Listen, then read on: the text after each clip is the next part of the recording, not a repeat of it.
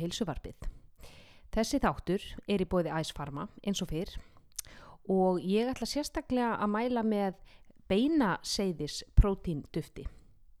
Eh, Ég hef verið að nota það vegna að ég þóli illa bönir, ég þóli líka illa mjölkuvörur þannig að whey prótín er það, ég á erfitt með það, e, bönaprótín er svona, já ekki alveg vinnu minn heldur, þannig að þetta prótín, beina seiðisprótín var náttúrulega bara eins og að finna gimstein. E, Það beinaseiði er e, stútfyllt af kollagen, það er byggingarefni og lím líkamanns sem heldur saman öllum frumum, það er byggingarefni í hári, húðu og nöglum og síðan ég byrjaði að, að borða þetta, þá hefði ég sagt ykkur að augnárin á mér er orðin mun þykkari, þannig að nú er ég bara depplandi alveg hérna eins og Malli Monroe. E, þetta er sérst frábær valkostur fyrir þá sem að e, þóla, þóla illa whey, þóla illa bönaprótín og þetta er mjög létt í maga, blandast mjög vel, verður þygt og djúsi. Ég bý til shake með samþangum, samþangum er eh, svona þykkingarefni. Ég, ég nota ósætaða möndlumjólk, kakó, stevjadropa, ég topp þetta með einhverju gyrnilegu netusmjöri til dæmis frá Monkey eða Mindful Bites sem fæst í veganbúðinni. E, píks, súkulaði flögur eða krönsa, eitthvað, eitthvað gott, til dæmis Adonis stykki yfir og alveg bara nýt þess í núvitund. Þannig ég get alveg 100% mælt með þessu, þetta fæst í, í háverslun, háverslun.is frá ná. Þið getur notað afsláttakóðan rakka nagli 20, það gefur ykkur 20% afslátt. Í háverslun fæst einnig spít og sundvatnaðurinn, ég nota hann mjög mikið, ég er byrjuð að synda alveg að krafti. Eins eru þar Converse skórnir, Houdini útivistavörurnar sem eru algjörlega frábærar. Ég geti fengið Ínika snirtivörurnar sem eru vegan og lífrænar uh, og ég geti 100% mælt með maskaranum þar fyrir þykku fallegu augnárin. Þannig að það er, í, uh, það er um auðugan garðagresja á háverslun og endilega nýtið ykkur afsláttinn. Í þessum þætti talaði við Óla Ólafs, hann er enga þjálfari hér í Kaupanöfn. Hann kennir TRX uh, og hann kennir CrossFit og hann er uh, einnig með bara enga þjálfun, einn á einn í Vesterbronx Gym sem er út á Vesterbrú. Hann er hókin af reynslu í sölum ræktar og vann á Íslandi í Nordica Spa og í sporthúsinu og hann heldur úti fjárþjálfunar síðu sem heitir Fit for Anything á samt konu sinni. Hann, Óli, hefur keft í fitness, hann hefur keft í crossfit, hann er maður mikill að skoðana, hann hefur skoðanir á eh, flestu og ýmsu sem við kemur bara þjálfun og, og mataræði, crossfit, líkamsrækt og eh, við fórum daldið mikið inn á eh, svona þessu ýmsu svið nörduðumst í alls konar tengdu æfingum og hann gaf góðra ráðleggingar um að koma sér að stað aftur eftir sumafríð. Það var rosalega gaman að tala við hann, hann er, hann er rosalega hress og, og, og kátur og ég held að þetta sé bara upphafið að fleiri þáttum með Óla. Ég vona að þið njótið, eh, kæru hlustendur, takk fyrir að hlusta á heilsuarpið, gjöru svo vel, hér er ég að tala við Óla Ólafs.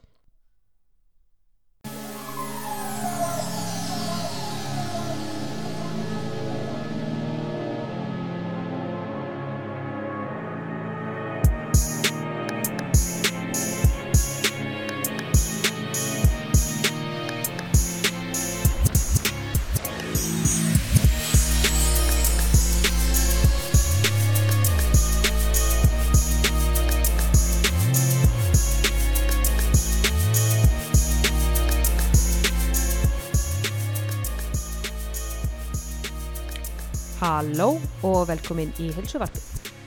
Hér sitt ég með honum Óla Ólafs, Óli Örn. Og það má segja að þetta sé taka tvö því að við tókum upp klukkutíma langt podcast sem að týndist í kosmosinu og það seifaðist ekki og uh, það láfið að það lágur tár niður kinnar hjá mér. En þannig ég þurfti að fá Óla hinga aftur til mín. Og hann er mættur hér, hjólaði hérna og er komin löður sveittur og mættur í stólinn velkomin til mín, Óli Ólafs. Takk hjá takk fyrir að hafa mig aftur. Já, bara, takk, fyrir að, takk fyrir að nenn að koma. Svona getur tæknin farið algjörlega með mann. Já, það er Mm. ekki maður, þetta er skemmtilegt að gera aftur. Já, já, nú erum við búin að æfa okkur. Við, Þetta verður flottasta podcasti mitt. Nú, Já. já, við, nú erum við búin að taka generarpröfu bara eins og í leikúsinu. Já, nákvæmlega eins og maður á að gera líka á góðri æfingu. Um, En þú ert búin að búa einna síðan 2017 hinn í Danmörku. Já. Og þú varst að vinna á Íslandi á Nordica Spa og í sporthúsinu þannig að þú ert hókin af reynslu í fitnessbransanum keftir sjálfur í fitness og þannig að þú kannski segir okkur svona aðeins um þinn bakgrunn og hvernig þú byrjaðir eiginlega í þessu öllu þessu fitnessbröldi Já, uh, ég heiti sérst Óli eins og þú komast inn á. Hérna, ég er örgulega best þekktur svona á Íslandi fyrir uh, tapatatímanum minna í sporthúsinu. mm. Ég kendi þar, það voru feiki vinsalir og træl skemmtilegir. mm ég Hvað er tapata? Tapata er þegar þú keirir hérna fjóra mínu lótur, 20 sekundur á, á, á æfa og 10 sekundur pásu. Það er það 8 sem 20 sekundur. Keirir á fullri ákveð þannig í þessar 20 sekundur. Já, Og við tókum, við svona almenningsvættum það og gerum hóptíma úr nokkrum þannig lótum sem er alveg feiki skemmtilegt og Já. hörku átök. því að það sko fyrir þá sem ekki þekkja tapata að þá, þá eru sko þess að þetta hljómar mjög einfalt á blaði sko að, að, en, en e, þá eru þessar 20 sekundur þær eru ógeðslega lengi að líða og pásan er ógeðslega fljóta að líða Já. Já. og sko alvöru tapata er uppalega bara sprettir Já. og það er bara ein fjóra mínútur lóta Já. full on sprettir og svo verður bara heim eftir það það er og svo og þau gerur þetta fyrst með svona Olympic Speed Skaters svona hraðskautara Mm. mm. mm og flestir aðeins kláru ekki fleiri en 7 af 8 lótum það Nei, er bara búnir. Og hefur sér lærin á þessum, þessu liði? Já, þannig að við, svona, segi, við tröppum það aðeins niður frá þeirri ákveð en samt. Þetta er ein besta leiðin til að fá, fá púlsinn hratt upp sko. Já, algjör að enda öll svona lótu þjálfun er sko frábæð leið til þess að keira upp púlsinn, keira upp sko allt bara hjarsláttatínina og, og, og sprettina og, og, og svona, hraðan og snerpuna. Mm. nákvæmlega. En já, það ég byrja þarna 19 ára á Nordica Spa Fest og Mm. mm. þar með við vorum svona þjálfarar í sall Hvað lærður einhvað þjálfun? ég tók, sko þetta er ég lappin í liftingasal 2005 með bróðum mínum Mm. kannski ke- ke- kem aðeins inn á það Mm. og þá var ég bara svona hóraður strákur 75 kíló Mm. og aldrei prófaði að lifta einhverju viti en við fyrir bara inn og gerum bara eitthvað en tókum bara rosa vel á því hverja æfingu og ég næm bara mjög góðum árangur þar með, með sjálf mig og minn líka maður Þá ertu hvað, 18-19 ára já þá er ég 18 ára já, og testosterónið í botni og bara, og já, og bætingarnar alveg bara dag, frá dag frá degi. Já já, uppbyggingar hverjum degi og það var engin struktúr á einu en einu. Nei, nei. En svona bara gerist það að ég missa því að sækjum skólan ég að vera í mm. og bróðum mér benti mig þá að það væri enga þálega skóli í örglas að byrja það. Mm og þessi hugmynd að ég geti sest, ég hef búin að áraga með minn líkama að ég geti búið til feril úr því að hjálpa öðrum að gera það sama mér fannst það mjög heillandi. Já. En ég skellti mér í það. Mm þetta voru ykkurar fimm eða níu vikur þá -hmm. og svo er þannig að mamma mín er að æfa í Nordica Spa mm. og hún er alltaf að hamra á mér nokkrum mörgum vikum eftir ég búið með þetta nám að fara að sækja um það sem þjálfari Mm sem ég gerði ekki, Mm. ekki hún bókaði tíma fyrir mig ah, ég var bara sendur í viðtal mm, Mamma tók í taumana já, og það Mm. landaði í þeirri stöðu sem að ég er svo þakklútið fyrir í dag því að þetta er eins og besta reynsla sem ég bara fengið að byrja Og nú, akkur er það? Uh, systemi í Nordica Spa fyrir það sem ekki vita var rosalega gott, þetta er eitt besta svona koncept sem ég séð Mm. af stöð af því að Mm. þú borgar hérna góðan penning fyrir, fyrir kortið Mm en í hvert skipt sem mæti þá eru þjálfar á vakt sem er með prógramið, tekur um þér og á þínu prógrami standa allir þínu upplýsingar og allt sem það er að vita um hann. Þannig að þú færir henni enga þjálfun í hvert skipt sem mætir. Og þetta gerði mér kleift að vinna með mjög reynslumiklum þjálfurum sem ég gætt dælt upp úr alla spurningar sem ég vildi. Þú ert alltaf með teimi á bakvið og ég fekk líka að prófa að þjálfa allan hafsjóðuna fólki, allt frá ungu strákum upp í eldra fólk Ah. uh, með öll meðsli á bakiru frá öllum mismundi bakgrunni, Já. mismundi prógramum og fekk að snýða sjálfur mörg hundru prógram mm þannig að þessi reynsla gerði mér þeim þjálfara sem, að, sem ég er í dag Já, þessi viðtaka reynsla líka að vera með sko fólk á öllum kaliburum, fólk í öllu, öllum, öllum, öllum aldri, allir þjálfunar með allan þjálfunar bakgrunn og þú ert kannski ekki endilega að handpika þetta fólk út heldur þegar þú mætir á staðin þá átt þú bara að þjálfa hérna Jóa sem er 16 ára og, og Gunnu sem er sko 73 ára og allt þar á milli. Og síðan ertu með bara gott heima bakvið sem þú getur leita til, heyrðu, ég veit ekki alveg hún er reynda með aðeins í mjóbakinu og hann getur ekki alveg stíðið í löppina og hvað ég gera svona og hvernig ég gera þetta þannig að þú blöytu bakvið eirun færð alveg gríðalega gott stuðningsnitt Já. sem er ekkit kannski alltaf á öllum, öllum líkasættastöðum Nei og ég hefði aldrei haft þess að byrja að þjálfa þarna einn á gólunu með nýja kuna Nei, ef ég ekki mikið upplega þetta fyrst. Og maður sér rauninu bara eftir á hvað maður er, eins og sagði blöytur baku eyrun. já. Að nei, þetta var bara besta reynsla líka dýmundum mér að fá þetta, af því að þjálfunin snýst trúa, mikið.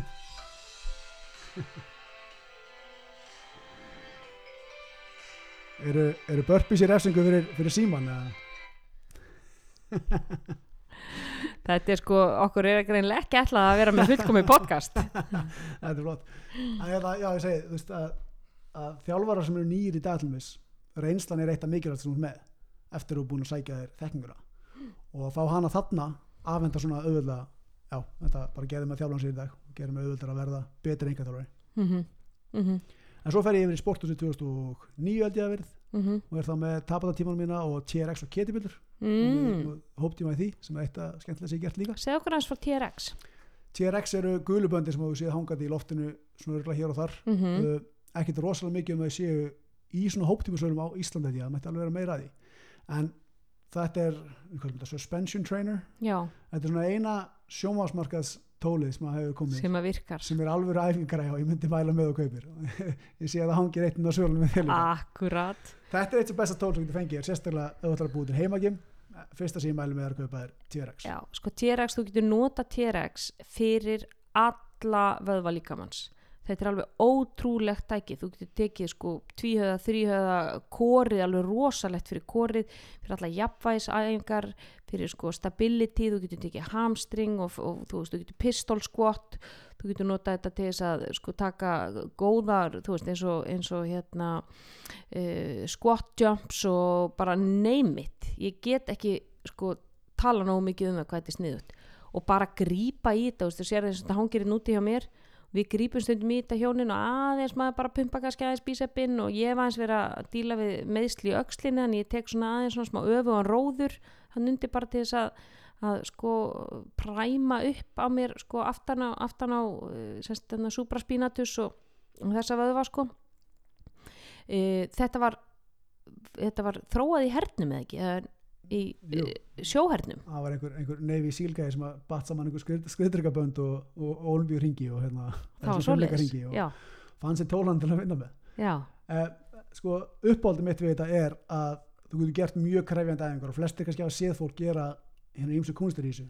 En það besta við þetta er að ég get skalað hver einustu æfingu frá 0 upp í 100 mhm, þannig ég get verið með áttræðan mann með slæma mjöðum sem get Mhm. gert nefnir með stuðning Mhm. og svo íþórtumann hliðnum að gera nefi á einu fæti og bæta við hoppið að getiböllu og þeir eru að gera sömu æfinguna akkurat. en bara algjöra sikkuru levelinu. Já, og eins og ég var að tala um öfugan róður þá, þú veist, þá liggum maður undir, undir böndunum og þú, og þú tógar þig í rauninni upp í átt að böndunum og þarna getur þú skala til dæmis erfiðleika stíð með því hversu, hversu langt undir böndunum er ég. Þú getur gert það mjög auðvelt með að standa nánast uppréttur og róa þið þannig áttaböndunum eða ég get verið algjörlega undir ég get verið með fætunar upp á einhverju gert það þannig erfiðar, ég get alveg með fætunar upp í öðrum böndum til þess að gera þetta ennþá erfiðara. Þannig að þú, eins og segið, þú getur skala þetta erfiðleika stíð, þetta er algjör snilt og ég meina þú veist ekki hvað auðmíkt er fyrir þú að prófa að gera arbegur í TRX böndum það sem allt hríðskelfur og svo lauf í vindi. Það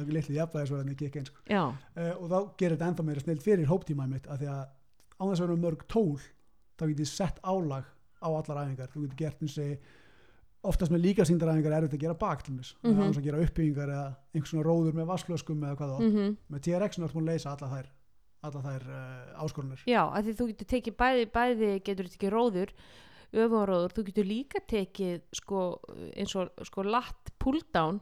Í rauninu þar sem þú ert að hýfa þig upp í böndunum. Myndur þú ráðleggja fólki til eins og nú eru margar, þú veist, eins og nýbakar mæður, þú veist, sem að komast ekki út af heimilinu til þess að, að, að fara í ræktina. Mynd, mynd, hvað myndur, myndur ráðleggja fólki að, þú veist, kaupa til dæmis svona bönd? 100%. og eiga, eiga heima í gimmi og til dæmis kannski eina ketilbjöllu já, ég sko 100% kaupa sér svona TRX band sérstaklega nefnilega nýbakar mæður já, sem eru kannski ekki búin að reyfa sér mikið að þú getur byrjað svo rosa rólega mm sýsti mín á svona band og dóttir hann á eitt svona band líka. Já. Og með æfingaprogram frá mér. Uh, það þarf ekki að vera TRX það eru til ódýra útgáður á TRX þetta til dæmis ég með, það er ekki TRX það er ódýrar útgáfa. Já. og, og þetta er bara mjög vandað. TRX þetta er svolítið svona eins og Apple en akkurat. fyrir mig ég tók TRX námskeið 2009 þannig ég mun alltaf að nota TRX sjálfur. Já, annars og ég á líka Apple 12 og iPhone ég mun alltaf nota það. Að ég er kannski svolítið svona að merkja hérna, fórnalamp en hinn er alveg góður að kosta sko brot af verðinu fyrir TRX akkurat ég kefti þetta á amazon.uk og ég held ég hafi borgað 20 pund fyrir þetta. Já, sem er ekki neitt. Og það, það dugir enn. Já, já, já, þetta er fínt sko. TRX er með 200 kg burðarþól en ég held að séu rosa fáir sem þurfa alltaf burðarþól að að halda. Inn ákvæmlega sérstaklega sem eru að byrja á. Já. en hvað myndur þú svona ráðleggja veist, eins og til dæmis ef við tölum um nýbakaða mæður hver, hver- hvernig myndur þú til dæmis eins og þetta prógram sem að þú lest sýstuðin að fá hvernig lítið það út? þá er það bara að vinna með þessar hefðbundu TRX æfingar sem getur gert nefið með stuðning Mm róðurinn sem þú talar um svo snýrðu við í arbegur -hmm. og bara reyfa hvert sem hvernig reyfiferli þú getur Mhm. eina nebu, þú Mhm. getur eina fyrir aftafilæri einhvers konar, svo Mhm. að vera deadlift eða, eða mjadma réttur Mm og svo ertu bara með eitthvað pressu og eitthvað tók já, og þú finnur sex þannig æfingar og þú komið mjög gott program það er minni þetta fara á YouTube og, og, og bara setja inn TRX TRX sus- suspension training og finna bara gott prógram og ekki, ekki spurning. Svo bara hagar þig ef þú vilt, vilt taka tapata þjálfun í TRX, alveg snill 20 sendur á 10 af, viltu taka bara 12 endingar og kvíla, byggja smá Mhm. styrk. Mm þú getur skalað það náttúrulega líka ákveðin og þú vilt. -hmm. þannig að þú getur gert allt frá að vera að taka inn að sögja brennsluæfingar Mm eða styrstaræfingar Mhm. eða, eða blanda þessu með öðru eins og svo í ketibjöllu -hmm. Það er tól nummer 2 sem ég myndi kaupa Mhm. í, í heimagim sér ekki hvað hún er fín hérna út í garðin það er ekki reyka á henni sig, það er notuð. Já, hún er, hún er notuð en hún er, hún er mikið notuð til að halda svalahörðin opinni líka. Já. og það er líka, ég, ég, eins og ég kendi TRX og ketibjöllur mm -hmm. ég byrjaði sko með TRX 6 svona, bootcamp námskeið. Mm og hliðið því var og ykkur lagi. -hmm. og sem ég fann sjálfur og ég vissum að viðstæðinu fundu það líka að sex vikur af bara TRX eða bara bjöllum varð svolítið svona leiðilegt Mm það var svolítið þreytt en það slóði svo saman bara í eitt námskeið við blöndum saman TRX og bjöllum -hmm. og þetta var bara eitt af besta og skemmtilega sem ég gert og ég, ég hafði með sama hópin hann held ég átjá mánuði sem ég hekk hjá mér hann í þjálfun og það var Vá, er- það segir nú ímislegt. já, þetta var, þetta var bara eitt af skemmt- skemmtilegast tímbil sem ég haft sem þjálfari Ég ekki trúa því. Það, það segir það að það er góðu þjálfar á ferðinni þegar fólki þér í átjá ég mánu. ætla að vona það Já, en það var stundum svo góð að blönda þegar TRX er rosa mikið tók og það er lítið um pressur sérstaklega svona overhead axlapress yfir höfuð já, já. og svo með bjöllunar og það er lítið um tók en það er þá bara róður um bjöllu en það er rosa mikið um pressuæfingar og axlæfingar Þannig þetta er rosa gott í- svona í kombinásjón saman. um leið og blandur saman þá ertu komið alvöru allega prógram sem getur þú tekur allan líka mann, Ah, þannig ég mæli með því, það er eitt Já. TRX og einn bjalla já. Þannig að þú, þú, þú sem sagt var- varst með þessi tvö námskeið Já. í sporthúsinu, þannig að þú fer frá Nordika yfir í, yfir í sporthúsu og ert með þessi, þessi námskeið. Hvað gerist svo, síðan ert að, að uh, varst að keppa eða ekki í fitness eitthvað og varst eitthvað að brölda í því? jú, jú. Við vorum hann okkur svipuðum tíma eitthvað að spranga um bronslítið á, á, í háskóla bíó, annað í það er hælum og hitt á, hitt á, á spýt og hvítan Jackson hanska Inn já, já, það var rútínan sko er það? já, já. þetta þarf að vera gott sjó, það var svona mitt aðal að ég, umlega, ég hugsa alltaf um áhorundan sko fá er- salin með sér. að vera áhorandi á líkasættumóti er ekkert að skemmtilegasta sérstaklega það ekki bara eitt keppanda Ég veit, það getur verið mjög langdrið. já, þannig að ég tók það svona á okkar ábyrð keppandana að vera með skemmtilega rútínu og það var að vera smá sjó í þessu það var Jackson hanski Það var Jackson hanski og hvað var það? Billie Jean eða? Það var eitthvað mix sem ég mixaði sjálfur í tölunni Nei, það? er náttúrulega langt síðan. Ok, þannig að þetta var hvað, 2007-2008? já, 2007, 9 og 10 kepp ég. Já, reynsla, hvernig reynsla var það að keppa í fitness? uh, ótrúlega góð, sérstaklega að vita hvað maður getur gert andlega og að læra á hvað getur gert með mataræði. Af því að niðurskurinn er ekkert um að leika sér með mataræði. Mm -hmm, ég breyti æfingur og svo lítið. Mm -hmm. en að sjá hvað þú getur gert bara með því að hreyfa eins við hlutallar kólutna fytu Já. og prótini og Já, hvað getur gert til þess að brenna fytu og, og það gerir mér auðveldra að hjálpa svo öðrum þó þess ekki að fara endalega í niðurskur fyrir fitness en nú veit ég hvað, hvað áhrif það hefur að breyta inn á þessu já. og svo er það líka hvað hendaði þér hendar ekkit endilega endilega hinum sko. Þetta við erum náttúrulega bara petri diskur sjálf og það sem að virkaði fyrir þig þá þarf ekki endilega að virka fyrir þig í dag heldur Ó nei, ég er nú aðeins eldri í dag það er svolítið lengri tíma til að ná þessu. já, akkurat. Og ég er búin að falla í þá grifin okkur sem ætla aðeins að skera fyrir sumarið. Já, svo svo tekur það bara þó nokkuð lengri Já, tekur mjög lengri tíma. Og, og við, hvernig við bregðust við sko bara því að breyta aðeins hlutallar kolvetnum og fytu og, og við líka bara með auknum aldri þá verður maður að vera, verður við, við erum að vera sko erfiðar með, erfiðar með kolvetnin, ég allavega fyrir mín mitt leiti þá finn ég það bara að þú veist, mér veist auðveldar að, að rótera aðeins í fytunni heldur en, heldur en kolvetnunum.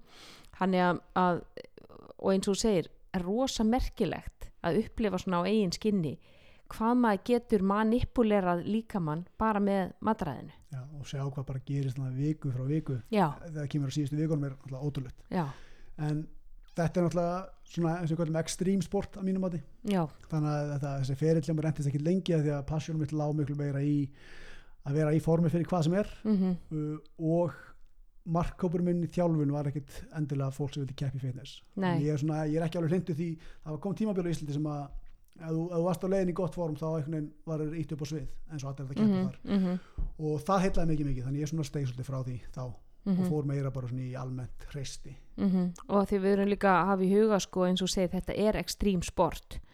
Og, og það er ekkit það er ekkit endilega, það er ekki leiðin til þess að koma sér í form. Það er að fara, það er að, fara að keppa í ekstrím sporti. Nei, það er kannski áhuga sem kviknar eftir að þú lærir, lærir er byrjar að hreyfa þig og Já, og þú þarft að eiga sko í heilbriðu sambandi við mataræði, við hreyfingu, við þinn eigin líkama og þú ert að vera mjög örugur með sjálfa þig til þess að fara inn í fitness. vikan eftir mót tekur á sko.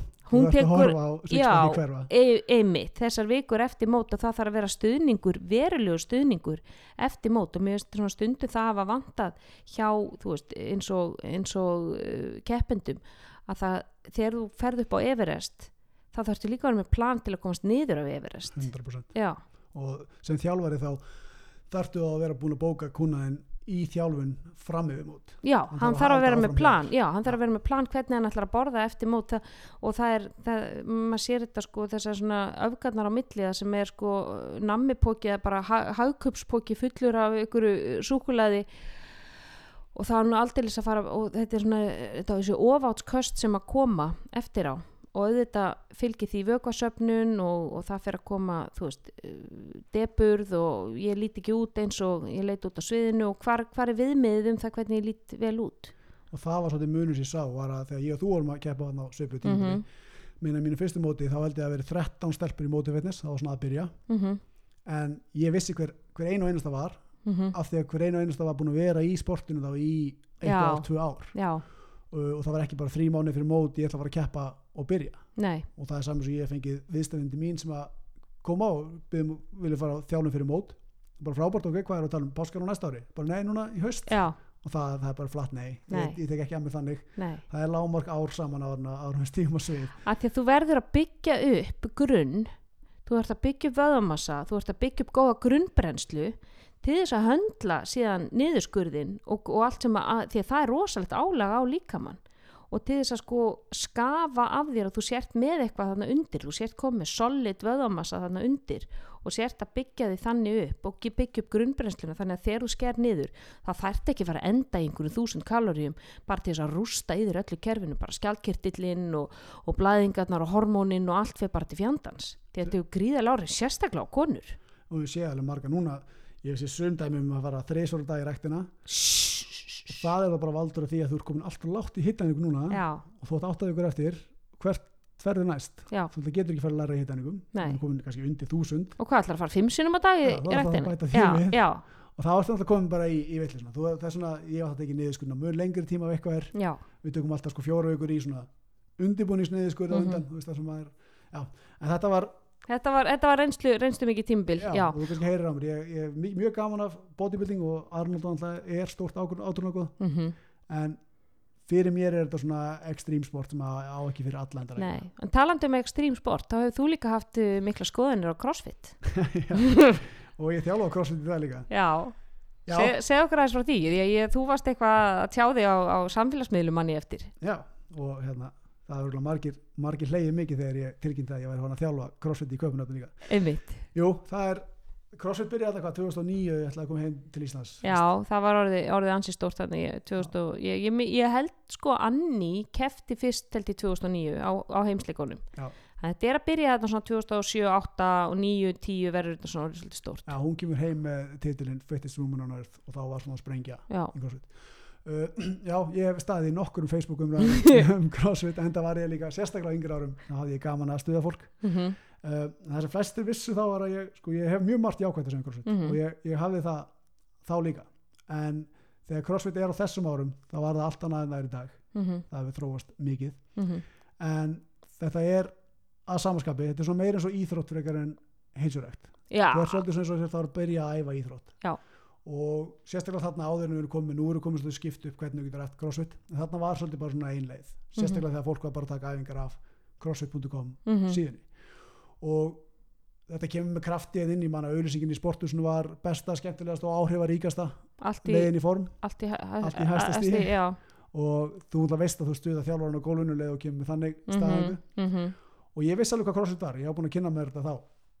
Og uh, þessu fylgir náttúrulega bara áhættuð þættir. Mhm, þú ert að æfa af mikill ákvæð mhm. þú ert að blanda inn ólimpískum æfingu til, til dæmis á, á tíma og í keppni við, við félagaðinn á, á, í stöðunni við liðina. Æfingar sem eru uppalega ætlaði til að gera 1-3 reps. Já, er allt í hennu farin að gera fyrir að 15-20 já, já, á eins rætt og getur. Uh, svo bætur við aukaæfingum eins og bara við erum með frægur burpees og kassahopp. Mhm, alltaf einhvern sem keira mikið á töðukerfið svo setur þetta í keppni. Mhm, og svo bætur við besta vinnu mínu hliðina á mér og við erum fannar að keppast það. Já, og þá veistu bara voðinni víst, þú ert búin að skapa svona áhættu þætti nokkra. Mhm, og þetta var það sem ég var svo mikið að herja á var að Jón Jónsson af götunni hefur ekkert með það að gera að labba inn til þess að bara bæta heilsuna sína að fara svo beint í crossfit. Mhm, og þarna voru heldur ekkert sem við gæði grunnámskeiðum fyrir í Mm. gangi fólk er bara að koma kallt inn á götunni kannski. Mhm, og svo ert bara með vott fran, þröstir og uppbyggingar á tíma mhm og formið kannski oft mjög vafasamt og, en sko crossfit er, þú veist, nú stundar ég mikið crossfit og, og, og sko mér finnst crossfit hafa farið gríðarlega fram og þjálfunin er öll orðið miklu betri, það eru miklu betri gæði það er konin frábær box til dæmis Grandi 101 sem er með, er með, er með crossfit námskið, þú veist, fyrir eldri borgara fyrir, fyrir mömmur, fyrir unglinga og ég menna í talinu ekki bara crossfit Reykjavík sem eru mjög framalega þú veist, það er crossfit sporthúsinu þetta eru bara frábær box.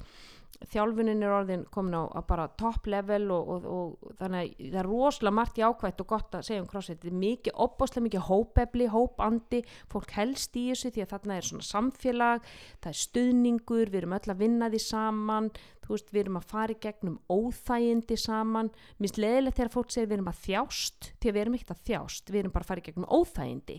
Þú veist, það að æfa það er rauninni, það á að vera óþægilegt því að þú þarf að líða óþægilega til þess að vaksa, til þess að, veist, að verði einhverja, einhverja bætingar. En að samanskapi þá eru náttúrulega þetta eins og segir, þá eru ólimpíska liftingar til dæmis oft, oftar en ekki þetta eru óbáslega tæknilega ræfingar og, og að framkvæma mjög mörg reps og þannig að þú ert orðin þreyttur að þá fer formið að, að, að gefa sig. Og það getur bara skapað sko gríðali meðsli því að þú ert ofta að vinna með bara nokkuð góða þingdir og skella síðan stönginni veist upp og bara hryggurinn og mænan og allt. Og maður sér sko fólk er að beigja sig undir þetta og, og eins og segir þetta er e, það er gríðali meðslahætta í þessu. Það er þannig og það, það sem tröfla mig mest í þessum, þessum viðræðum sem ég átti hérna á Facebook var að það var enginn til tilbúin að viðurkenna að jú það er meiri áhætti þáttur, þú ætti ekki að segja þetta sé hættulegt en það er stærri áhætti þáttur þegar þú æfir að mikill ákæð heldur en ekki og ef þú æfir í keppni mm -hmm. og eitt skoti sem ég fekk oft var hérna ætli, fólk meðist náttúrulega í fótbolta líka já, ef, ef maður meðist á vellinum í leik þá er það út af ákæðinu sem er í gangi þar Mhm. En Jón Jónsson aftur á móti, hann á ekki verið keppni hvers getur sem fyrir að æfa. Nei, ef á, meðist á æfingu Mhm. sérstaklega í liftingarsalnum þá er styrtaþjálfurinn reikin þá, þá, gerist eitthvað vittlust og það sem ég tala með að CrossFit væri svolítið eins og byrja að æfa íþrótt. Mm en í dag er það orðið tölur betur og ég, sem- ég gagnandi aldrei þjálfaruna það er, allt, er búin að vera algjöru fagmenn sem þjálfa. -hmm. það er bara þessi sem þú ert með.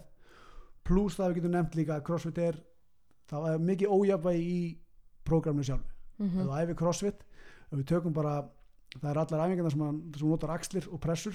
Já við þú, tökum þessar olimpísku flestar ketjuböldaæfingarnar mm uh, in the wall balls sem þú kastar bolta Mhm. í vegg. Alltaf vinna fyrir ofan höfuð fyrir fram að þig. Já, burpees, arbegur mm Mhm. tala upp, sko, það margar æfingar sem vinna allar á þessum fremri vöðum mm. öxlunum og brjósti, já, svo þegar við tökum bakið þá er það oftast uppbyggingar og þá er það gert með kippið þar sem við klippum meira út aðal tókpartin, já, þannig við erum að toga rosa lítið á móti pressum já, lítið pull mikið Já. press. Og með við lífstílinn okkar í dag þegar við setjum hókin, við erum á hjóli við erum að tala síma, við erum í tölvunni mm -hmm. keira, þetta er allt framært Mm að við ættum í rauninu að vera að toga tvöfald á móti hverju pressu. Vegna, og, og það er svo óbáslega margir að glíma við það sem að kalla svona upper cross syndrom það sem að eh, sko þú ert, þú ert með þessar framrúllandi axlir og herðablöðin, vöðvarnir undir herðablöðunum eru orðin svo auðmir að þeir ná ekki að toga því tilbaka og, og fólk er komið svona innan skjaldböku hálstíð við erum grú, grúfum okkur þess að segja yfir síman, yfir tölvuna þannig að hvað ráðleikur er fólki að gera á móti? Þannig að þá ertu komið með það sem að bóksin eru mörg farin að einmitt að vinna móti sem Mm. gerir þannig að það búið að vera svo góð þróun í þessu Mm -hmm. en þarna vandur okkur að æfa sem við kallum strikt tók eða mm. bara tók án kips mm. án þess að búa til momentum úr mjög mónum Mhm. með öðru Mm -hmm. e, þannig að dauðar uppbyggingar róður eins og talar um í TRX-inu Mm -hmm. ef þú getur gert það er rauninni bara ef þú getur gera það fyrir hverja einustu æfingu sem fer að vota þá ertu strax fann að vinna mótið í öllu sem þú gerir í votinu versus að vera bara að taka vot þess að hefðbundu crossfit tíma Mhm. Hvað með deadlift?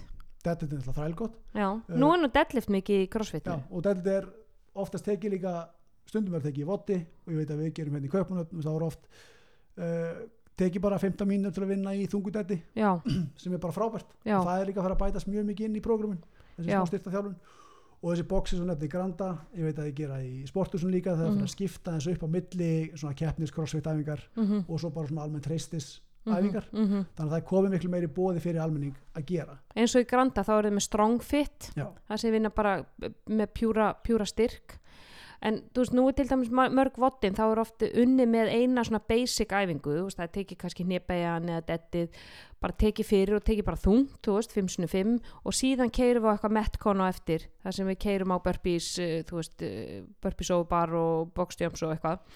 Um, hvað ráðleikur þú fólki á maður að, á maður að byrja kannski að, að á maður að fara í svoleiðist tíma eða á ég að byrja á því að fara í salin og taka nokkrar strikt æfingar, strikt eh, eins og kallum dauða axlapressu, dauðar upphýfingar og fara svo í tíma eða á ég að fara á dögunum á milli og taka bara þungar æfingar, þú veist bara þessa bodybuilding vinnu, þessa, þessa, þessar, svona þessa strikt work, hvað maður að gera?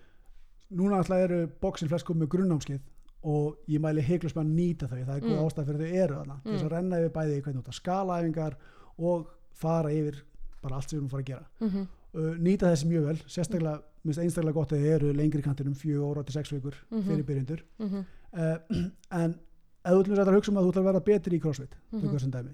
að ég sé mikið núna fólki sem að það er gaman ekki að tala um þetta hinum meginn frá núna mm Mhm. -hmm. með reynsluna sem þjálfari líka að ég með mjög mikið fólki sem kemur sem að byrja í rauninni bara í crossfit og það er ekkert með mikinn grunn í miklum vöðumassa eða, eða liftingu fyrir það og svo vill þetta fólk verða betri að gera tóstubara það vil læra að gera muscle up eða uppbyggingar Mhm.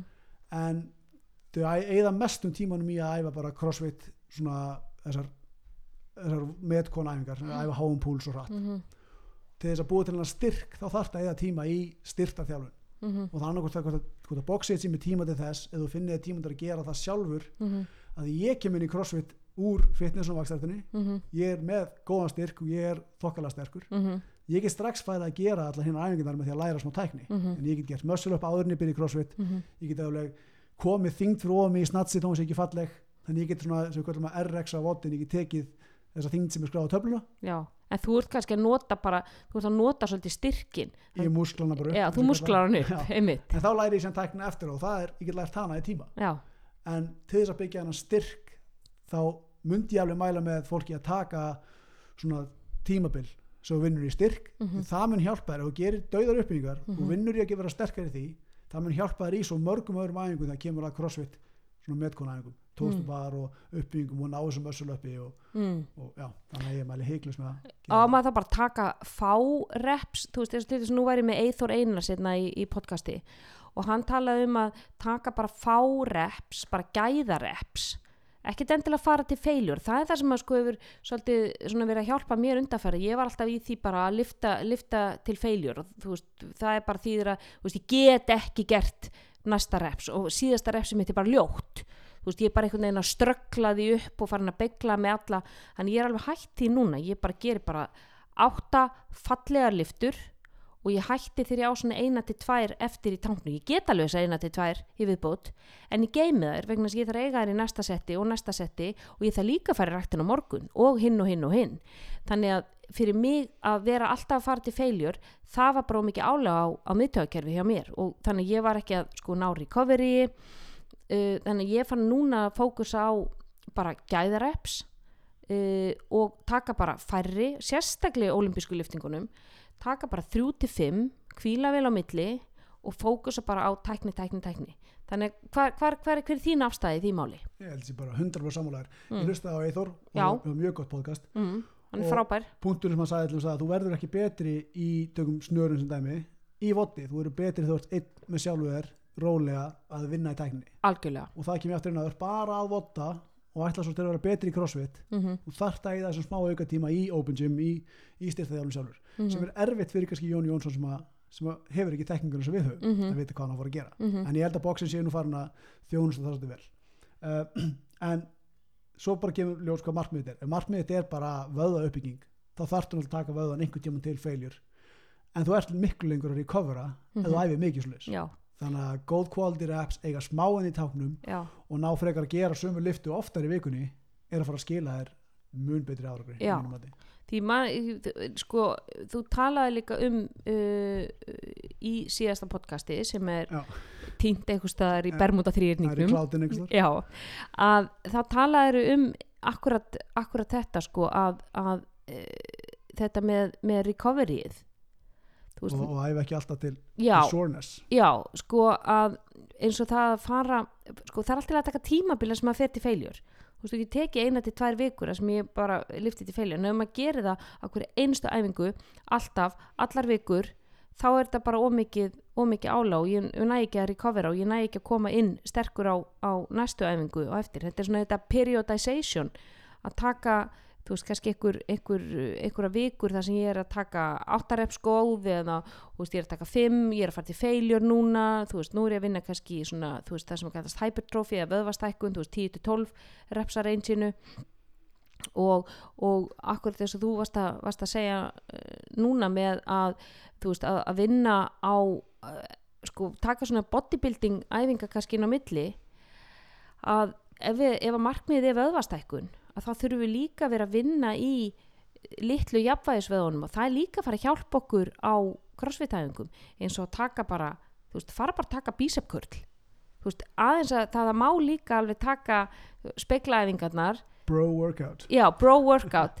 Því að sterkir bísepar, þeir hjálpa okkur í rópklæmpinu og þeir hjálpa okkur í, í, snörunnu og öllu því sko. Það er 100% ég er með eina stelpu í CrossFit Copenhagen sem að einmitt er búin að tala um það að bæta sér uppbyggingum Mm. og kannski, hún er svolítið óþólumóð, við ekki það en ég sett upp prógram fyrir hann og á prógraminu var einmitt uh, var tvíhjöði og hérna hún mætti daginn eftir með svo mikla harspur hún er aldrei búin að taka bara ísolera Nei, en sterkur tvíhjöði er að hjálpa þér í öllu tói og það er að hjálpa þér uppbyggingum uh, og það þarf ekki endilega að vera að stækka byssur en að lifta þungt og rólega er bara að fara að hjálpa þér að bæta þig í svo mörgu öðru. Já, í gripinu í klíni eða ef þú ert búin að taka djúpa þunga hnipi og gera það reglulega það er bara já, já. styrtaþjálfun er að hjálpa mikið. Já, og þú talaði einmitt um uh, eins og uppbyggingarnar og ég manu varst að segja sko með, er, ef ég ætla að bæta með uppbyggingum, er ekki betra fyrir mig frekar en að taka 20 uppbyggingar á einni æfingu, er ekki kannski betra fyrir mig að taka 5 á dag yfir fjóra daga? algjörlega, Það er miklu betra recovery. ef þú myndir núna að fara og tæki bara þitt algjörlega max uppbyggingasessjón Mm, og þú liggur svo í rúmunum með haspurur í latsum í Já, fjóra daga. já, en ég fyrir að teka 80% en ég get gert það fjóra dagar í. Hvor okkar er, er að fara að skila meiru? eftir árið hvort er þessi flinkari í uppbygging. Já, plantæðin þú. að það skiptir miklu máli líka. Já, gríðarlega, gríðarlega. og það er sama með að þú ferð í vott fjórum, fimm sinni í viku og þú gefur alltaf allt sem þú átti hvert einasta vott þannig að endar alltaf með út og þú þarft að vara kvíla og þú verð að vinna móti áragrunum Mm ef þú gerir um mikið. -hmm, þannig að ef þú ert bara sniður tekur, þú þarft ekki að votta á hverjum degi. Mm ég prófa það sjálfur, það endaði bara í meðslum uh, og þó það sé að það er kortir á undan æfingu mm -hmm, taktu smá nokkrar uppbyggingar mm -hmm. hvort það sé, taka smá hnépur eða mjadmaréttur þessar hluti sem er ekkert oft á Nei, dagskránum, veit hi- að þau eru fann að koma upp ofta, sem sem mjadmaréttur thrusters maður, þetta er bara þetta er leikbreytir fyrir þjónapana Já, og þú, þetta kemur alveg fyrir að, að þetta sé í upphæðu æfingu til dæmis. Já, uh, en ekki nógu ofta mín Nei, ég ætla ekki að segja það sko, þessi æfing hún er það sem að sko bara byggði rassinum, ég á mig sko með pönnukökurass og ég er ennþá með pönnukökurass. Bara það er bara genetíki mín. En fjandakotni, ég er búin að vinna í þessu leint og ljós, dag og nótt í hiptröst og ég byrjaði, ég er að segja það ég byrjaði með stöng og 5 kíló sikkur megin, ég gat ekki meir. Nú er ég fann að þrösta 100 kíló. Bara easy sko. Þannig að þetta er og, og þetta hjálpa mér í beigjónu, ég er miklu sterkar í beigjónu, ég er miklu sterkar í, í pushpress, þú veist það, rassin er stæsti vöðvin okkar og að vinna í honum er bara að fara að hjálpa okkur í öllu, líka bara halda á krakkanum upp stegan og vera með bónuspokana og þú veist og íta bílnum úr skabli, skilju, þetta hjálpar okkur við allt. þá getum við komið aftur inn á þetta ójabæði er að við gerum miklu meiri í þessu nýja dominandæfingar Já. í crossfit það er vissulega ketjubilluseflur, það er þessar olimpísku og við erum að detta eitthvað en vægið á móti öllu sem við gerum einhvers konar hnepauðurhefingu Já. það er, það er of mikið af hnepauðum móti mjamaréttum Mundur þú mæla með því að fólk tæki tímabil, crossfit, tímabil, bodybuilding æfingar, kvílir crossfiti á móti svona til þess að kvíla miðtöðakerfið? það fer vissulega eftir markmið ef þú ert að að vera betri í crossfit Mm. þá getur alveg séð að þau, eru vissulega að taka þessi tímabil að vinna í mismundi hlutum þessari íþróttamenn Já, íþróttumenn til dæmis eins og, eins og keppendin, nú er það crossfit mótin í búið og bara til hamingju Björgun Karl, bara, bara sjátt á Snillingur. hans, snillingur, Katrín Tanni frábært, Þurriður frábært, Anni, Sara, Otrún Eik, þú veist, all, allir þessi íslenski, Hilmar Harðarsson sem er ekki fengið nógu mikla veginn Nei, tímin okkar og, og þá við vorum með fólki í unglingaflokki en er bara frábær árangur í öllum um, en sko, þau, þau skala þau, þau, þau taka svona uh, periódur þar sem þau fókusa bara styrkin svo fara að keira inn meira, meira þól þannig að ráðleikur er það líka fyrir svona meðal jóagunnu uh, sko fyrir, þú ert þar um algjörlega bara meðal ég ætla bara að vera í svona góðu formi fyrir lífið. Þá votta tvist að þessari viku með einni styrtaþjálfun mm. frábært. Eða votta með styrtaþjálfun smá undan Mm bara frábært. Uh, það er er, er svona svolítið eins og þetta að byrja að æfa íþrótt. Þannig að það eru tveir flokkar, það er ég sem Mhm. er hann bara til að keppa og verða betri í crossfit. Já, og svo ertu með aðra típu sem er bara hann til að reyfa sig og hún er alveg saman hvað stendur á töflunni hvort hann hafi skrifað skórið sitt eða ekki. Já, og fyrir þannig að náttúrulega skiptir ekki jafn miklu máli að vera að vinna í hverju einustu snörunartækni eða, eða öðru kannski. Nei, hann er komað bara til þess að líða betur hann kannski, þessi típiski þessi típiski ræktar yfkandi og við tölum núna, nú til þess að Vestlunum er helgi nýbúin og rosalega margir sem eru að, að koma núna skrýða úr ykkur hýði eftir, eftir sumarið, þú veist, það er búið að vera með piknikstráin hérna bara alveg á, á kantinum í tjaldútilegunum, í fellihísinu, þú veist, ég er búin að færa ræktina bara eitthvað hipsum, haps og hér og þar og það er svona, þú veist, buksurnar eru alveg margtækt trengri en, en, en þeir voru í mæ ok, nú langar mig að fara að taka á því. Þú veist, hva, hvað ráðleikur bara meðal jó og gunnu. Hva, hvað er svona þínar þrjár helstu ráðleikingar til þess að koma sér aðeins að stað aftur eftir sumafríð Hva, hvað á fólk að gera? Má ég segja bara byrja? En það er náðu gott ráð.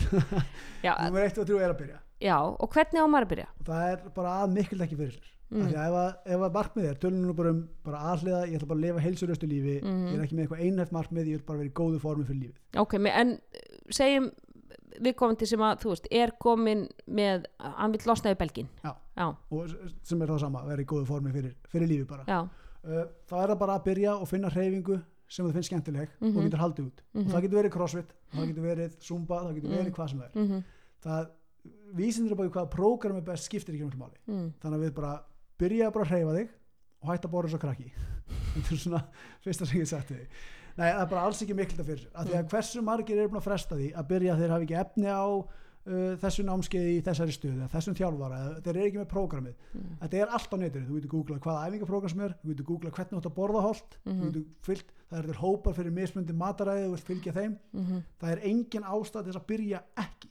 Mm, þannig að það er bara að kaupa sér kortið, Mhm. velja sér leðina mhm, og hreyfðu þig á morgun það er bara fyrsta já, rosa einfalt. Ok. Burt með afsagnir ok, þannig bara byrja, just do it, er svona Nike segir. Já, just do it. ok, en sko fyrir marga þá er svona svolítið yfir þyrmandið, þú veist, þessi fyrstu skref inn í líkasættasal eru mjög erfið. Og ég hef svona stundum mm, sko með mína nú ætla vinn ég náttúrulega í gegnum sálfræði, þannig ég er alltaf velta fyrir mér, hvaðan kemur hvaðan kemur óttin hvaðan, hvaðan kemur, þú veist, hver, hver er hugsaninnar á bakvið, hver er tilfinningarnar á bakvið og þú veist, hvaðan kemur skömmin og hvaðan, þú veist, ég skammast mín fyrir að líta svona út, ég leit ekki svona út í mæ og mér finnst óþægilegt að koma núna og ég er að fara að hitta hérna Sigga og Gunnu sem að, þú veist, þekkja mig í betra formi og, og, og þannig ég segi oft farið fimm myndur farið bara fimm myndur, taktu eina engulega bót búðu til vanan. Búðu til venjuna fyrst og fókus á útkomuna setna ég held að Dwayne The Rock Johnson sé sammúlar hann hann, sagði mættu í 21 dag í ræktina en þarf ekki eins og að fara og gera neitt. Mættu byrja afgjörsla mætti bara? En mættu. Já, það getur verið, ég, ég hef verið með nokkra svona hjá mér, ég man að það var eitt strákur sem hafa mér í TRX og bjöllum, ég vissi ekki fyrir eftir á hérna, fyrir það eina skipt sem mætti þá var moment í bílnum sem var, veik- var að fara að snúa við og fara heim. Já.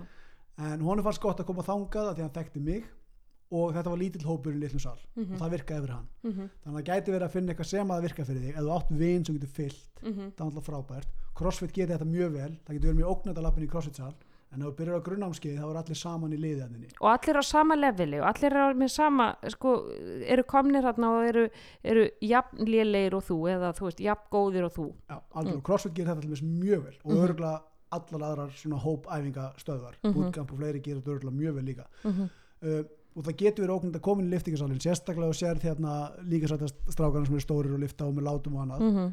en sko 99% af fólki er að hugsa um sjálf á sig. Algjörlega. 99% af þeim finnst bara frábært þú sem mættur. Mm það er vissulega gæti alveg verið einhver sem leynst einhverstað sem, að, sem að er ekki sammálaði en það eru allir hérna bara að stiðja einhvern annan það eru allir að byrja einhver staðar. Mhm. þannig að það, það er engin ástæð til þess að skamma sig fyrir að mæta í ræktina hvort sem þú sért með óöryggi varandi hvernig þú lítur út eða þú sért bara ekki í góðu formi. Mm. Nei, ég held að séu allir langflestir tilbúin að stiðja einhvern annan Nei, en sko fyrir okkur sem eru náttúrulega búin að æfa, þú veist, ég byrjaði að æfa sko 99, þú veist, ég, ég 20 ára, en ég lapp inn í rættinu, ég minn ég gert þetta blindandi, skilju.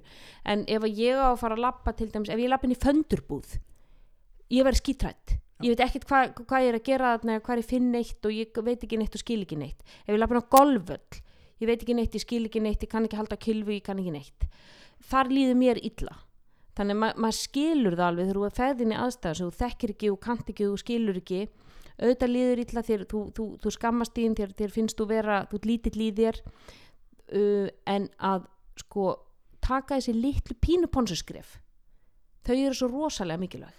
Og þarna ef við getum bara pluggað okkar, okkar starfstjætt að inn í Mhm. þarna er náttúrulega mikilvægt að hafa fólk sem að veit hvað er að gera. Já, sem er þá annarkot þessar stöðvar þessi hóptímar ekkert sót Mhm. eða ráðir einhvers svona þjálfara hvort þessi persón eða, eða online þjálfara. Já. Uh, þar bæði sækir þér nákvæmlega hvað þú átt að vera að gera mm og þú sækir hennan accountability sem að íslenska orðið væri þá vera Ábyrgðar. ábyrgu, ábyrgu gagvart einhverjum öðrum en sjálfu þér. Og þegar þú komið það þá ertu svona að mæta fyrir einhvern annan, það er einhver annar að búast við og mætir fyrir einhvern sem er að byrja er náttúrulega frábært skref að sækja sér þá fagaðala algjörlega. til þess að koma sér að stað. Annarkvort að vera með annarkvort að vera með góðan æfingafélaga eða vera með góðan þjálfara. Og eins og segir það er þetta að vera enga þjálfari og ég minna ekki allir sem hafa efna því en þá er þetta að vera fá sér fjárþjálfara þú ert náttúrulega með uh, Fit for Anything. Já, já, fit fjórir anything. Fitforanything.com eða ekki? Jú. já, já, þú og konaði þið keiri það prógramið ekki? Jú, það eru aðalega með fjárþjóðan fyrir stelpur 12 vikna æfingaprógram mm, sem Kara keirir að mestu leiti mm. er það miða við æfi sal? Já, það er, þar getur fengið bæði æfingar heima og æfingar í ræktinni. Og það er um þetta frábært, þú fær þá þú fær app í síman og þú ert með að vídeo á öllum æfingum. Vá, þú tala við þjálfara þannig hvernig sem er. Mm, þannig að þú ert komið þarna með tólin þú þarft ekki að líta út í svona asni að snúa höfugt ykkur tæki. Mm, mm. þú getur bara séð mymband af mér væntalega að spreita mig í tækin í staðin ok, og hvernig á að gera það rétt.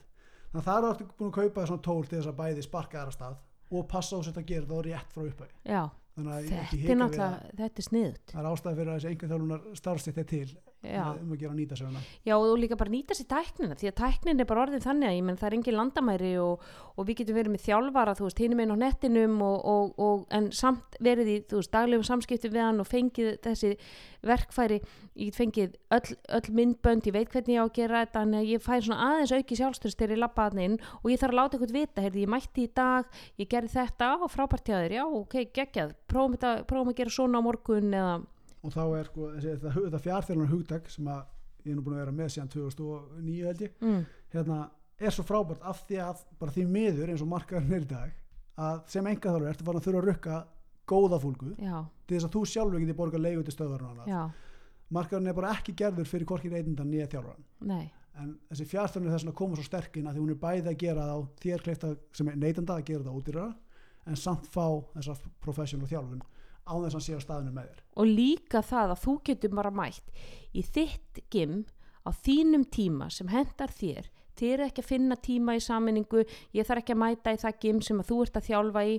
Þannig að maður er að gera þetta og þetta er sama með fjársjálfræðina nú er ég til dæmis með sálfræði gegnum netið og ég tek viðtölu um mína skjólstæðing og þeir eru bara heima jafnvel á náttvitunum þeir þurfa ekki að fara og keira í bíl inn á okkur stofu, býða þar, þú veist, það er líka allir tíminn sem fer í það. Og kannski þurfa þá að mæta öðru fólki inn mæta, í stofinu sem getur verið erfitt. akkurat, það getur oft verið mjög þung skref ég sko. myndur örugglega að kjósa þetta svona sjálfur. Já, þannig að, að, að um gera nýta, nýta sér tæknina. Tækni bara. En þú segir, ok, fyrsta skrefið bara mæta, og byrja, byrja ok, já og hvað, hvað, hvað ráðlegginga, hvernig, þú veist, hvernig, hvernig á fólk að byrja að æfa, hvað, hvað að fara að gera? Ok, ég finna mér hreyfingu sem ég, sem ég fíla ok, segjum ég finni hérna crossfit eða ég finni tabata eða, eða TRX og, og, og þú veist, hvernig á fólk til dæmis að borða?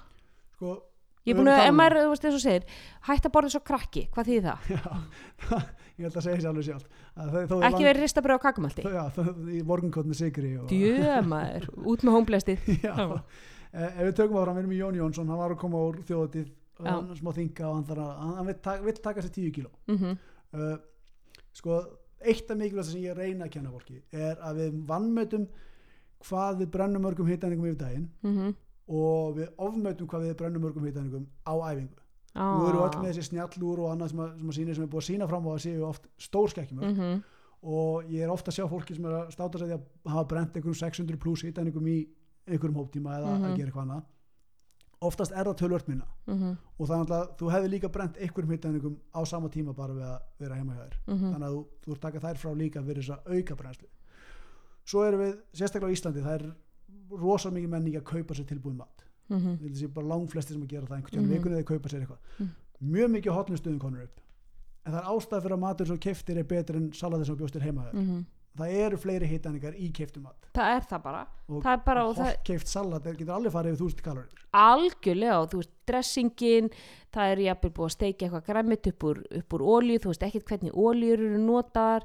Það, það get, sko, brauðteningar netur, þú veist majónis, þetta bætir við ekkert smá mikið af kaloríum. Þannig ég held að sjá svolítið mikið af þessu á Íslandi að við erum líka vann með þetta hitaningar sem við innbyrðum. Þannig erum að sjá mikið af fólki sem að lifir kyrsitur lífstíl mm -hmm, en er rosa duglegt á æfingu. Mm fyrir svo bara heim í sófan já. Þannig að frábært, þú grættir þarna 300 hitaningar mm en svo fórst að borða þér tilbúið salat Mhm. sem aftur er 1000 hitaningar pluss -hmm. þannig að þú ert fljótur að nulla út þessa einu æfingu og fegst þið kannski smúði eftir æfingu sem voru kannski 700-800 kaloríur og þá eru fann ég það ef að tvísvara dag fyrir brennsla mótna í staðinu mm. þegar ef þú hugsaður um hvað þú brennir á hitaningum við bara, við kallum þetta NEAT hérna Mhm. non-exercise Nice. activity thermogenic já, sem er svona þessi daglega reyfing sem við köllum, bara svona að vera aktífur yfir daginn já, bara hvað þú brennir við allt annað sem er ekki æfing já, og þessi tala getur núna að rokka gífurlegt í hvernig þú lifir lífinu ef þú Mhm. vinnur við skrippborð, ef þú Mhm. vinnur við lagarstör ef þú ert aktíf alltaf daginn mm og þetta er bara þessi gamla mýta ef að markmiðið er að missa þyngd að missa fytu að auka þessa hreyfingu Mhm. að, að leggja lengra frá að taka stiga Mhm. í stað fyrir liftuna -hmm. og þau tóku einhvern tímann nú var ekki tölun nákvæmlega, það var rannsókgerð og það var hérna aðilar sem voru svona fidgety, sem voru svona yði og Já. svona hyper versus svona rólegt kyrsutu fólk sem er Mhm. bara rosa slagt Mhm. og reyfist ekki mikið við daginn þetta gætt muna heilum þúsund hitaningum Vá, að lifa saman deginum en bara því eitt var alltaf að reyfa sig örlítið alltaf daginn já, þannig að þetta, ef þú hugsa bara dagleg hreyfingu, hugsa bara heilbriða lífstíl þetta hljómar ekki spendi, en þetta er þessi árangur án öfga. Mm og þetta selur ekki mikið af prógramum. -hmm. en þetta er leikillin að langtíma árangur sérstaklega kemur að þingdaþabi að mínum mati. Það er að auka daglega hreyfingu. Það skiptir ekki máli hvað æfingaprógram það er það er bara að setja að hreyfa þig. Og þú sérst að borða heima tilbúið mat undirbúið matinn sjálfur Mhm. passa að fá og ekki borðið svo krakki. Það, mér finnst þetta mjög góð setning, ekki borðið svo krakki og, og mér finnst líka kannski að, að annað sem að þú veist sálfræðingunni kemur inn á, þið eru borðar eins og krakki ekki þá vera svo krakki við sjálfa þig, þú veist, ekki vera að berja þig niður og þú veist, hvað er að mér og hverju ég er svona mikill aumingi bara flott, ég fekk mér hérna fekk mér hérna þrjár orði og kekskugur og ok, bara fuck it, life goes on þú veist, þú, þú getur ekki fokkað þessu upp. En og segir þetta með nýtt sem er þetta non-exercise activity thermogenesis uh, sem er þessi daglega reyfing þú veist það að þetta hljómar ekkert sexy og einmitt eins og segir, þetta selur engin prógram og, og en að sko taka göngutúr eftir kvöldmatt það er til dæmis bara rannsóknir sína það að það bara hjálpar við til við meldinguna það er þetta, það er þessi þetta gravity, þú veist, hérna þingdalögmálið, þú veist, þú ert að nutta meldinguna þú ert að koma öllu blóðflæðina stað það er rosalega stór faktor, taktu 20 mínútur og, og farð út í göngutúr eftir, eftir kvöldmatt um, legðu lengar frá búðinni, labbaðu til dæmis í búðina. Veist, hjólaðu þannig að svo getur, skelltu kannski þú veist, farði sund eftir vinnu og, og syndu, þó er sér ekki nema 300 metrar, 400 metrar, skilu þetta eru 10 mínútur.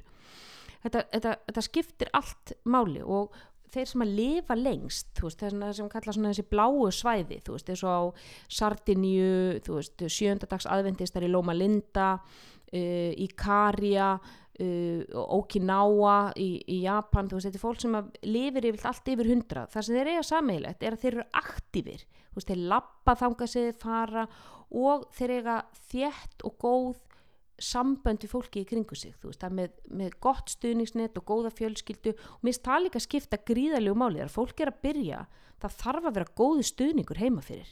Þú þarf að vera með fólki í kringu því sem stiður þínar ákvarðanir og þína hegðun. Ok, það þarf ekki endilega að taka þátt íni með þér en að það er allavega ekki, æ, þarf þú endilega að vera með salat núna, þú veist, mér langar í pítsu. Minn helsti keppinautur er makin heima Já, það, það, það er erfið að skrifa, það er að selja makanum heima Já. Já, og, og rannsóknir sína það að bara margir sem að sko fara að taka sig í gegn að það er, það er mjög háskilnaðatíðni því að þetta skapar við, það sem við bonduðum yfir var að veist, popcorn yfir Netflix eða veist, pizza á föstu og nú það allt í hennu farið.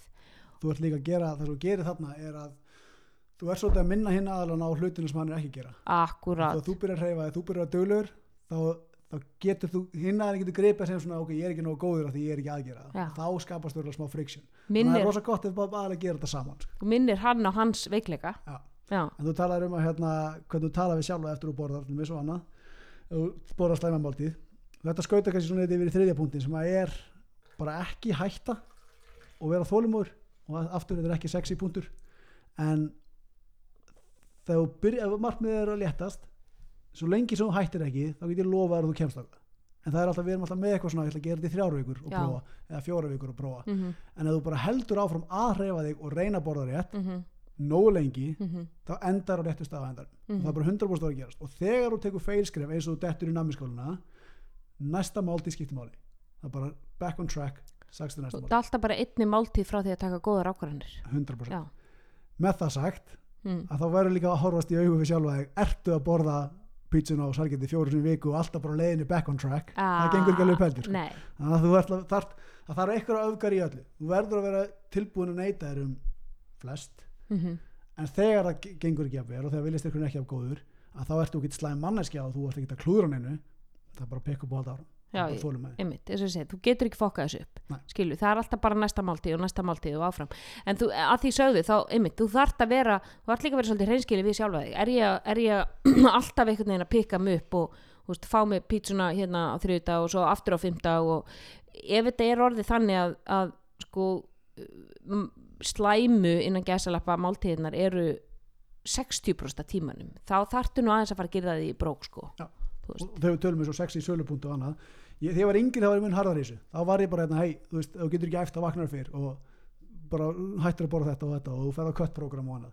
Og svo þroskaðist ég og lærði aðeins og svona fór að hugsa þessum heilbrið lífstís til lengri tíma. Mm Mhm. árangur án öfga er slagur okkar hjá fitt og reyna þýtlumis en þú verður, þú verður að gera með þessu öfari að þú getur ekki alltaf verið í bubluna sem allt er jákvægt þú, veist, þú verður að horfast í augu við ok, mér líður ekki vel eins og ég er núna. Mhm, ég ætla að breyta þessu. Mhm, þá eru hluti sem þú, þú ert að fara að breyta líkams ástandinu mhm. Það þýðir eitthvað mikið þarf að breytast. Þú ert að fara að segja líka hann hei þú ert að gjössalega breyta öllu, öllu hormonastar sem þú ert komin í þetta jafnvæg þú, þú ert sáttur eins og ert svona, þú ert búin að stilla allt af svona.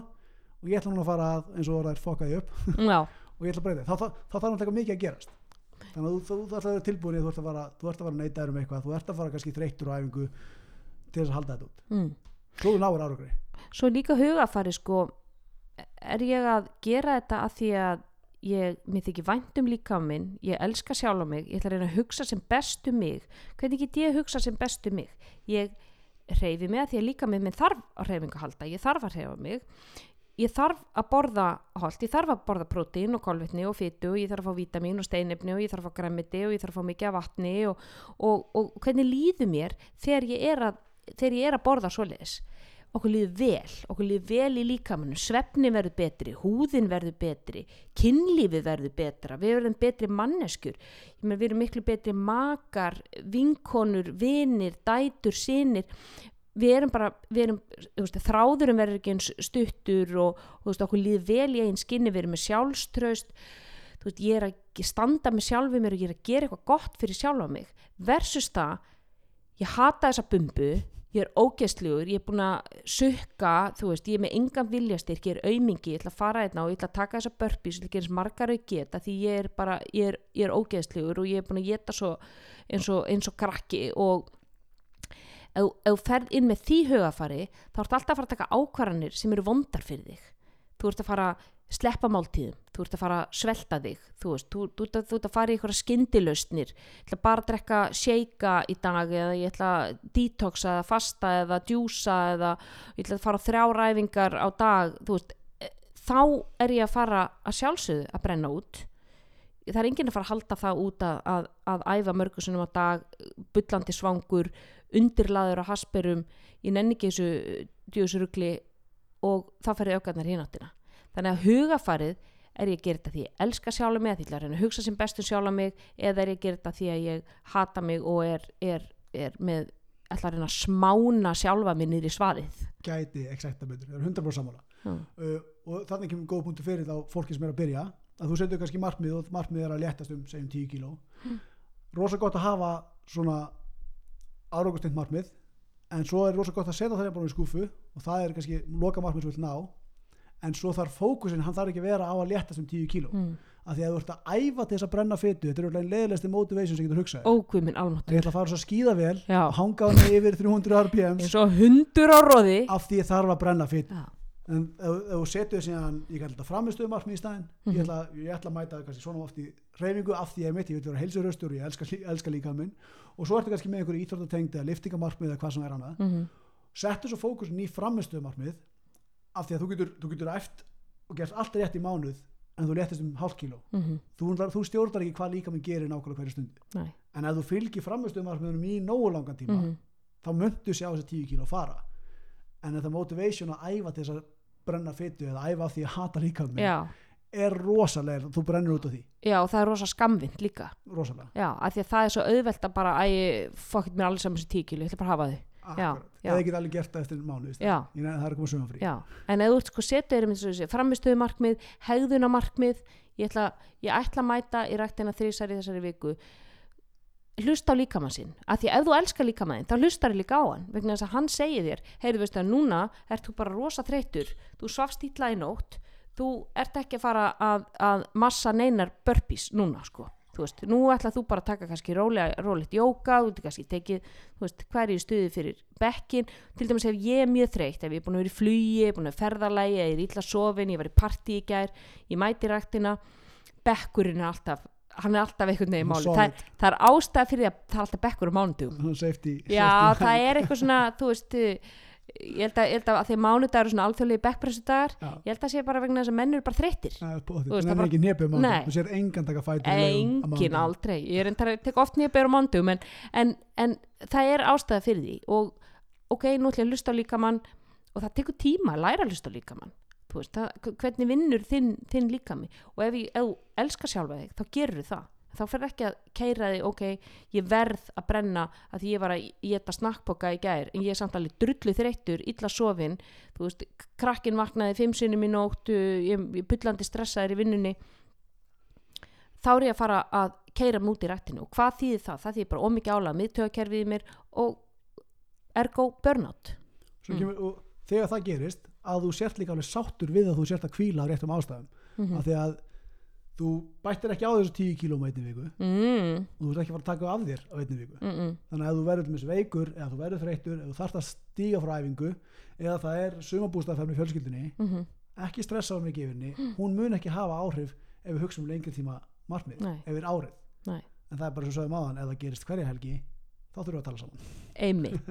Það þá er, þarfst þú að horfa í speilin og eiga, eiga gott samtal. Já, en þetta er upp og niður, þú myndi að góða vikur og myndi að slæma vikur. Þannig að ef þú ákveður í byrjun, þú ætlar ekki að hætta sama hvað þá myndu ná þessu markmið, það er bara 100% já þannig að algengstu mistöki svo sér fólk gera. Að hætta og snemma. Það er inn með óþórumæði já, og ef þetta virkar ekki á fyrstu viku að þá er ég búin að gefast upp þannig að eða ég gefst upp af því að ég varð veik í eina viku. Mér finnst það, alveg, það gerist mjög oft að fólk sem byrjar í þjálfun, það er bara mjög algengt að það verður veikt strax fyrir fyrstu æfinguna mhm, og ég veit ekki hvort það sé lífið svona að testa því hvort þú vilji virkilega byrja að reyfa Mm. þig ekki svona að gefa það smá áskorun. En það gerist bara mjög oft, þú kannski að setja auka ála á líkamann eða ánæmiskerfi var ekki tilbúið.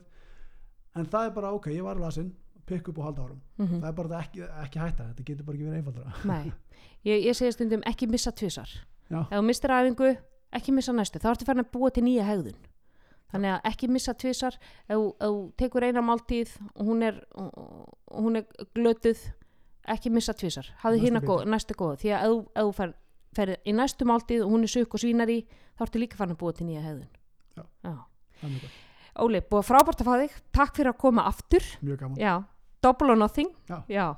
Hvar getur fólk fundið þig á samfélagsmiðlum? Herra, ég er örgulega mest á Instagram, það er oli.olofs Mhm. uh, við erum með fit for anything fyrir fjárþjálfun fit4anything.com Mm og þannig að fólk getur sendið ykkur post þar. Já, ekki hika, senda bara Instagram ef eitthvað spurningar, ekki hika að spyrja. Ég er alltaf tilbúin í spjall. Og þú ert á Facebook? Ég er á Facebook líka sem Óli Ólafs án punkts. Ég held að bara Óli Ólafs sé að kennileiti mitt á Óli Ólafs. Óli Ólafs er búið frábært að fá þig. Takk fyrir að koma, þú, fara, þú kemur aftur því þú algjör, algjör höfðingi í heilsu, heilsuvarpið Þetta er búið að frábært, þetta er allt skemmtilega en áður og þetta líður alltaf jafn fljótt, ég held að vera rétt að byrja. Ég veit það, það er, við, við, erum rétt að, við erum bara rétt að byrja. Fyrir ykkur hlustendur, uh, takk fyrir að hlusta á, á heilsuvarpið og þannig til næst, fyrir ykkur